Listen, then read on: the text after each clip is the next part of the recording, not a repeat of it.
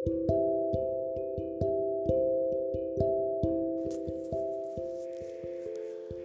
think I've lived long enough to know that every quote has its own paradox because, quite honestly, if you follow one, you'll reach some sort of deadlock.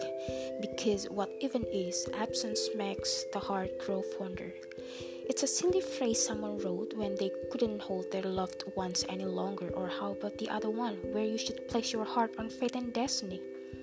Let that person go if you love them. Oh, but side effect is that the pain will sink in quite dreadfully.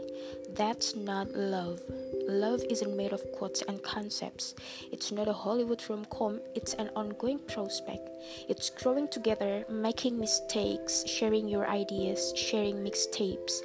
It's laughing in unison at your own jokes and blasting Slayer after I put on the strokes. It's crying on a shoulder you can put your trust on. It's a 3 a.m. call when no one else can be relied upon. It's entangling two minds and creating a bond. It's the sick, worrying feeling when other doesn't respond. It's a heck of a tolerance and understanding and loving the soul because looks aren't everlasting. It's a million other things that no one ever taught you. You learn yourself because it's different every time you go through. That feeling when you catch a glimpse of them staring back to you. You once knew. Stop seeing in white and black. There's pink and a blue. A different name of a different you.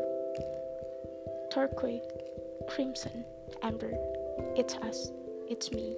It's you.